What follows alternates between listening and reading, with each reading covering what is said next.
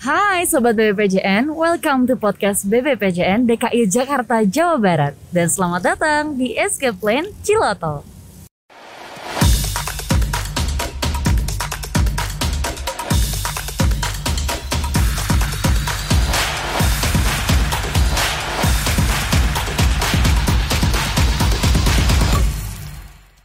Selamat siang dan selamat datang untuk Ibu Sinta dan Pak Yudi. Kalau sebelumnya kan Ayah udah pernah ketemu nih ya Bu sama Bu Iya, Sinta benar, Mbak selaku Aya. Satker eh, PJN Wilayah 5 Jawa Barat. Kalau sekarang ada wajah baru nih Sobat BPJN, ada Pak Yudi ya, ini selaku eh, PPK 5.3 ya wilayah eh, PJN 5 juga ya Pak. Nah, boleh dong diperkenalkan diri dulu mungkin untuk kalau Ibu Sinta boleh di-share kembali untuk tugas-tugasnya seperti apa dan juga Pak Yudi nih. Mungkin Sobat PJN baru tahu eh, PPK itu sebenarnya tugasnya apa aja sih? Boleh dari Bu Sinta Oh, dulu. iya. Eh, makasih Mbak Aya Iya. sebelumnya. Jadi eh, selamat datang kembali eh, ketemu lagi sama saya Hmm. Sinta Satker PJN 5 Jawa Barat. Eh, wilayah kerja kita PJN 5 Jawa Barat itu meliputi Kabupaten Dep eh, Kabupaten Cianjur, Mhm. kemudian Kabupaten Bogor, Kota Bogor dan juga Kota Depok. Eh, salah satu PPK di kita adalah Pak Yudi PPK 53. Oke. Sebetulnya kita punya tiga PPK, jadi 51 dengan wilayah kerja di Kota Depok dan juga eh, Kabupaten Bogor, kemudian 52 wilayah kerjanya juga ada di Kabupaten Bogor dan Kota Bogor. Kemudian Pak Yudi nih PPK 53 di wilayah kerjanya itu di Kabupaten Bogor dan juga Kabupaten Cianjur. Hmm. Oke, kalau untuk Pak Yudi nih, sebenarnya PPK itu apa sih Pak dan mungkin ada tugas-tugas tertentu boleh Iya. diceritakan? Oke, eh, sebelumnya saya merasa eh, terhormat sekali nih Bi, di dihadiri didatangi nih ruas jalan saya. Sebelumnya mungkin saya perkenalan dulu ya. Boleh, Ah, ya ya. Eh, saya Rendra Yudi selaku PPK 5.3 Provinsi Jawa Barat. ah, menangani enam ruas jalan nasional Hmm. dari Ciawi Benda hingga puncak batas kota Cianjur. Nah, eh, dengan panjang total 63 63,79 km. Eh, kalau dari tugas dan tanggung jawab Mhm. sebagai submanajerial ruas jalan ya, kami memelihara eh, jalan nasional ini bis agar dapat berfungsi dengan baik sehingga pengendara jalan juga eh, lebih baik ya, eh, lebih senang lah untuk eh, eh, berada di ruas jalan.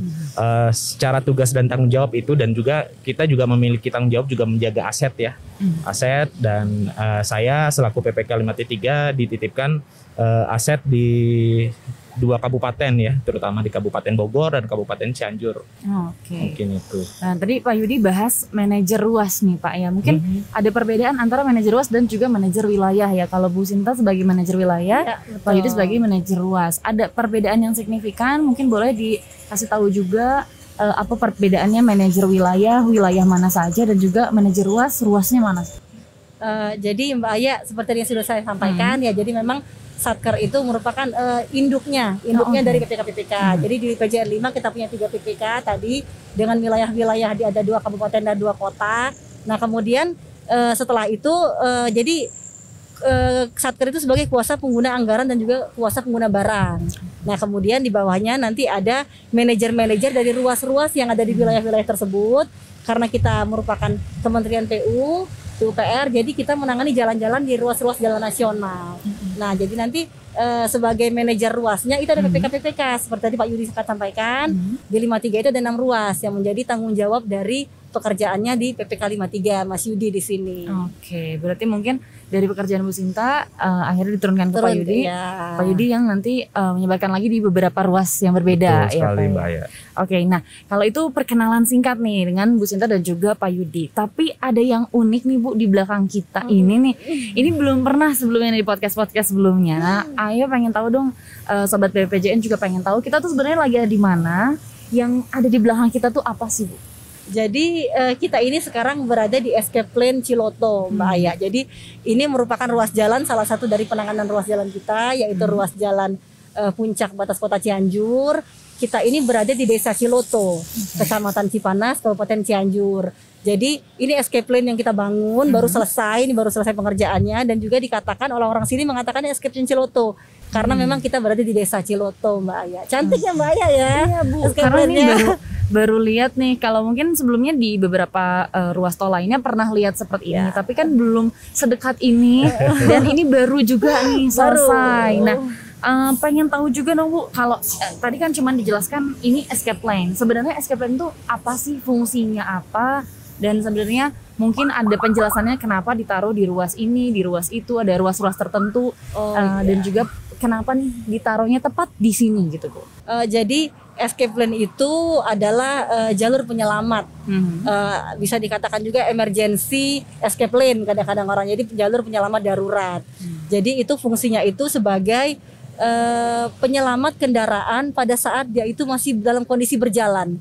Jadi biasanya escape lane ini berada di kontur-kontur jalan yang menurun, menurun terus. Sehingga banyak eh, kendaraan-kendaraan itu yang mengalami gangguan fungsi pengereman atau remblong kita biasa mengatakannya. Nah, pada saat remblong kita harapkan mereka itu masuk ke sini dengan konstruksi yang sudah kita bangun sesuai dengan spesifikasinya. Eh, diharapkan kendaraan itu akan eh, diredam laju, laju kendaraannya. Sehingga dia berhenti di sini. Eh, dan tujuan utamanya itu agar tidak terjadi kecelakaan fatal Mbak Aya. Jadi pada saat kendaraan-kendaraan tidak bisa mengerem masuk ke sini dan juga akan berhenti di sini tidak terjadi kecelakaan. Oke. Nah, kalau untuk penempatannya sendiri mungkin ada kajian KNKT ya Bu ya. Itu sebenarnya disesuaikan dengan apa sih? Karena kan kalau kita cuman lihat ruas jalannya aja atau enggak mungkin jalannya eh, cukup curam gitu. Tapi kan tidak di semua tempat yang curam adanya. Nah, itu untuk memilih lokasi-lokasi itu sebenarnya berdasarkan apa, Bu? Eh, jadi memang di lokasi sini, mbak, ya, Hmm. lokasi sini sebenarnya sudah beberapa kali terjadi kecelakaan. Oke. Ada yang fatal, ada yang eh, tidak begitu fatal. Nah, eh, puncaknya itu terjadi kecelakaan pada bulan April 2017. Saat itu ada bis eh, wisata dari Jakarta menuju ke kebun bunga Cibodas. Nah, di jalan eh, kendaraan itu mengalami remblong, Mbak. Remblong saat itu kalau nggak salah eh, cukup banyak 33 kalau nggak salah penumpang di bis tersebut. Dia menghantam eh, antrian kendaraan-kendaraan yang dari arah berlawanan, menghantam. Jadi ada kendaraan roda 4 dan kendaraan roda 2 yang kena tabrak saat itu dan kecelakaannya fatal Mbak Aya. Saat itu ada 12 orang meninggal dan puluhan orang luka ringan dan luka berat. Nah, kemudian KNKT melakukan investigasi. Investigasi eh, kenapa sih terjadi? Apa sih faktor-faktor penyebabnya sehingga remblong? Bagaimana cara mengatasinya? Itu pada bulan November 2018 KNKT mengeluarkan eh, laporan akhir hasil investigasinya yang ditujukan kepada Dirjen Bina Marga. Di situlah keluar Mbak ya rekomendasi dari KNKT tersebut yang menyatakan bahwa diminta untuk dibangun satu lajur penyelamat atau escape lane itu 400 meter sebelum tempat kejadian eh, kecelakaan tersebut. Oh, jadi 400 meter 400 sebelum. meter itu di sinilah lokasinya kira. Jadi Oh. penempatan lokasi ini memang atas rekomendasi dari KNKT tersebut, Mbak ya. Oke, berarti ada eh, syarat-syarat tertentu ya Bu ya sebelumnya. Nah ini mungkin pertanyaannya bisa dijawab oleh Pak Yudi Pak. Kalau misalnya eh, tadi Bu Sinti sudah menjelaskan kenapa sih alasannya dibangun di sini, tapi mungkin ada hal-hal lainnya atau mungkin mm, seperti ketika eh, escape plan ini dibangun ada jalur khusus ambulan juga Pak yang harus dibuat. Nah untuk hal-hal penunjang seperti itunya apa saja sih yang sudah dilakukan Pak? Oh, Oke, ya terima kasih. Eh, mungkin sedikit menambahkan aja tadi ya dari Ibu Kasatker yang sudah menjelaskan bahwa memang betul eh, dimu- mulai dimulai dari eh, memang dari laporan akhir Mhm. KNKT lalu eh, di titik eh, apa Bina Marga Mhm. eh, kemudian eh, mencoba untuk eh, melaksanakan amanat itu ya kemudian eh, pada saat itu P2JN eh, Provi- Satker P2JN Provinsi DKI Jakarta dan sekitarnya sudah melakukan desain.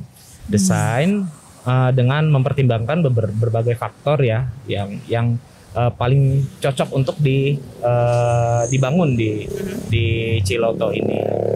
Kemudian dari P2JN kita eh, melakukan eh, membuat eh, dokumen lelang dan kita sudah melaksanakan lelang itu sebenarnya di tahun anggaran 2020 kemarin. Cuma memang eh, mungkin Mbak Aya sendiri juga tahu ya Mhm. eh, kita di masa pandemi kemarin ada permasalahan sehingga akhirnya eh, dari yang awalnya yang seharusnya kita selesai di tahun anggaran 2020 ada refocusing Mhm. sehingga menjadi multi years kontrak Eh, sehingga akhirnya eh, bisa kita realisasikan di tahun anggaran 2021 ini.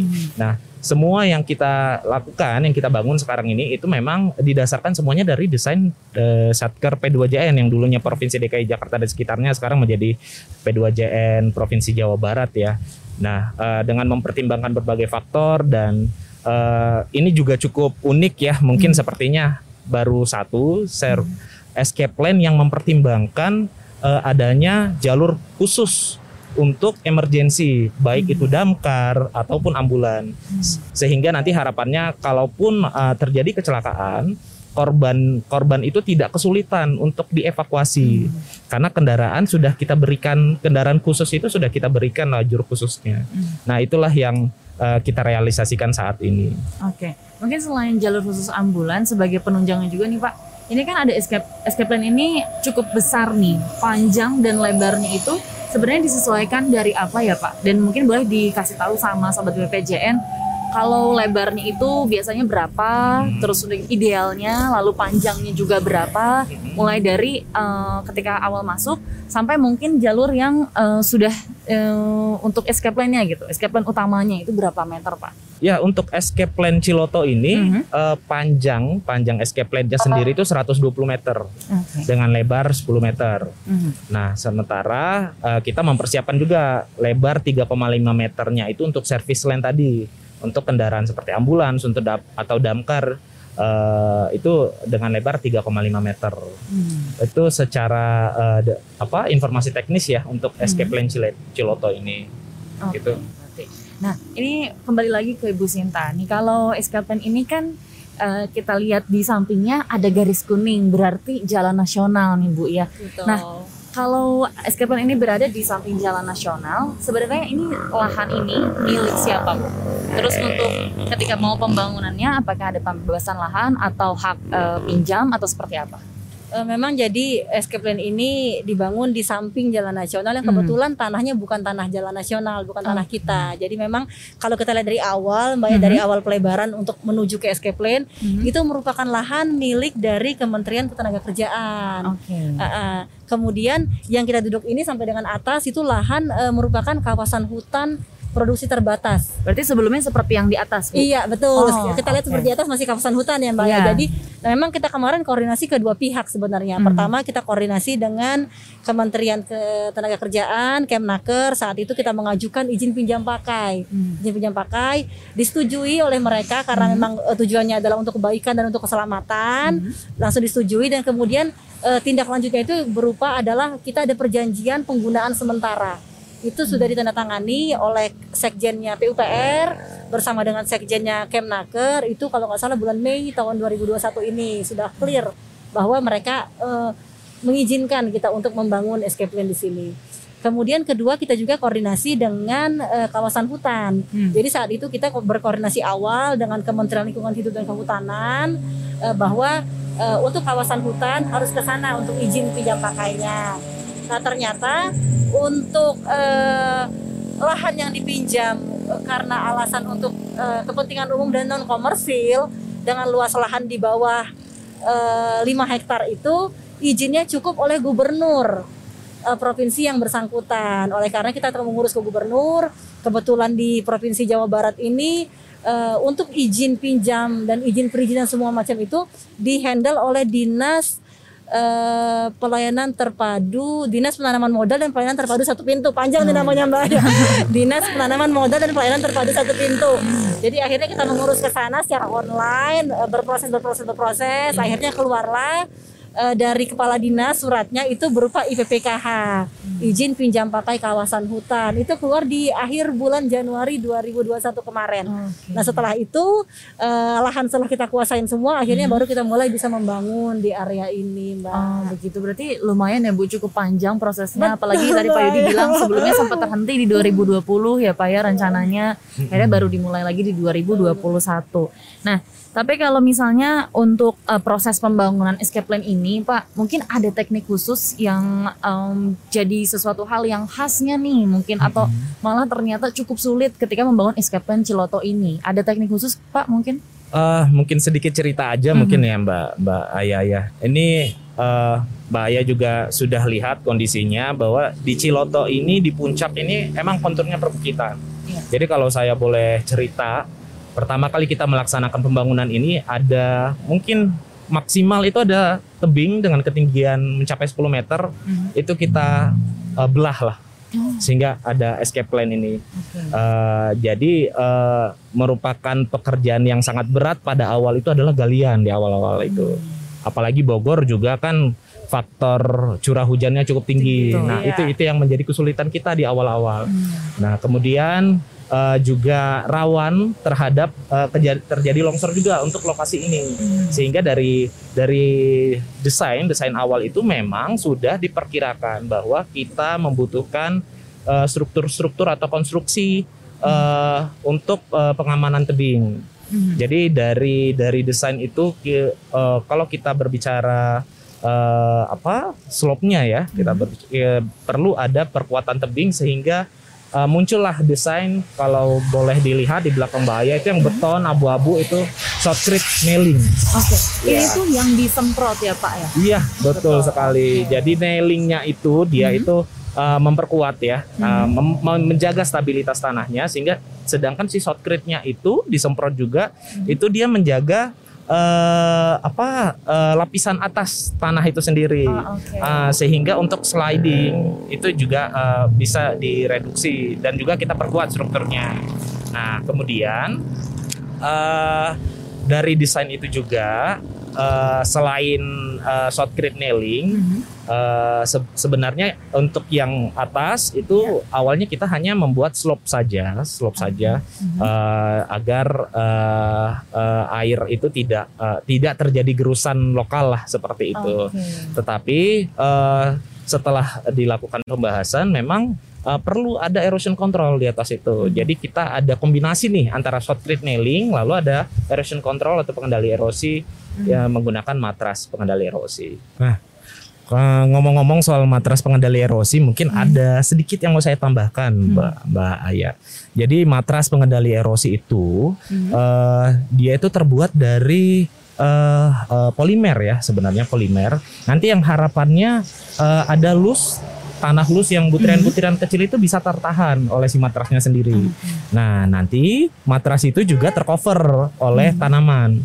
Uh, Tanaman itu masuk varietas uh, Mucona prurien. Mhm. Jadi pada saat nantinya itu tanaman itu akan uh, memenuhi memenuhi semua matras. Jadi uh, daunnya kalau boleh saya tunjukkan sedikit. Boleh Pak.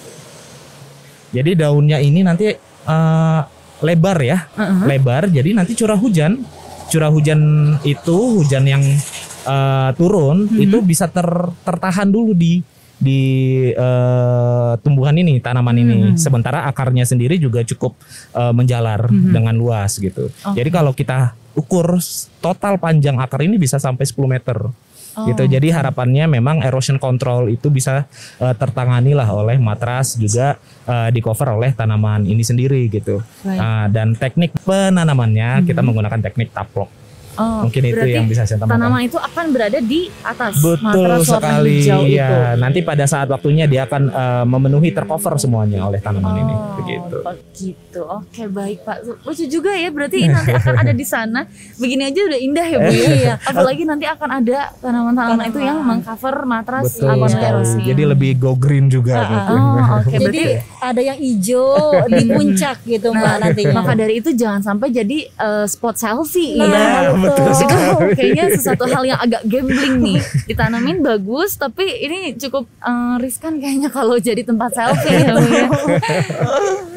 Betul sekali, Mbak. ini cukup menarik perhatian ya Pak. Eh, Bu hijau-hijau segar di atas ini. Nah sebenarnya kalau eh, bangunan di atasnya ini ini selalu ada di setiap escape plan. Memang seperti ini syarat pembangunannya atau mungkin di eh, escape plan yang berbeda juga akan berbeda Eh, jadi tergantung dengan kondisi eh, lahannya ya Mbak ya. Jadi beda-beda sih. Kebetulan kalau di sini daerah tadi Pak Yudi sampaikan bahwa daerah perbukitan sehingga yang kita lakukan ini adalah membelah bukit sebetulnya. Jadi sehingga butuh pengendali erosi di sini. Kalau di sini kita memakai dua metode, metode shotcrete soil nailing dan juga dengan matras. Oh, Kalau di tempat lain kondisinya berbeda-beda Mbak ya, tergantung dengan kondisi dan desain yang disampaikan nantinya. Oke, berarti tergantung wilayahnya juga ya Bu ya, tempatnya juga ya. Betul. Nah, Mbak. Untuk eh, skema proses pemeliharaan dan juga pengelolaan escape plan nih, itu seperti apa ya Pak? Dari mulai eh, sudah selesai, terus mungkin sampai eh, sudah bisa dipakai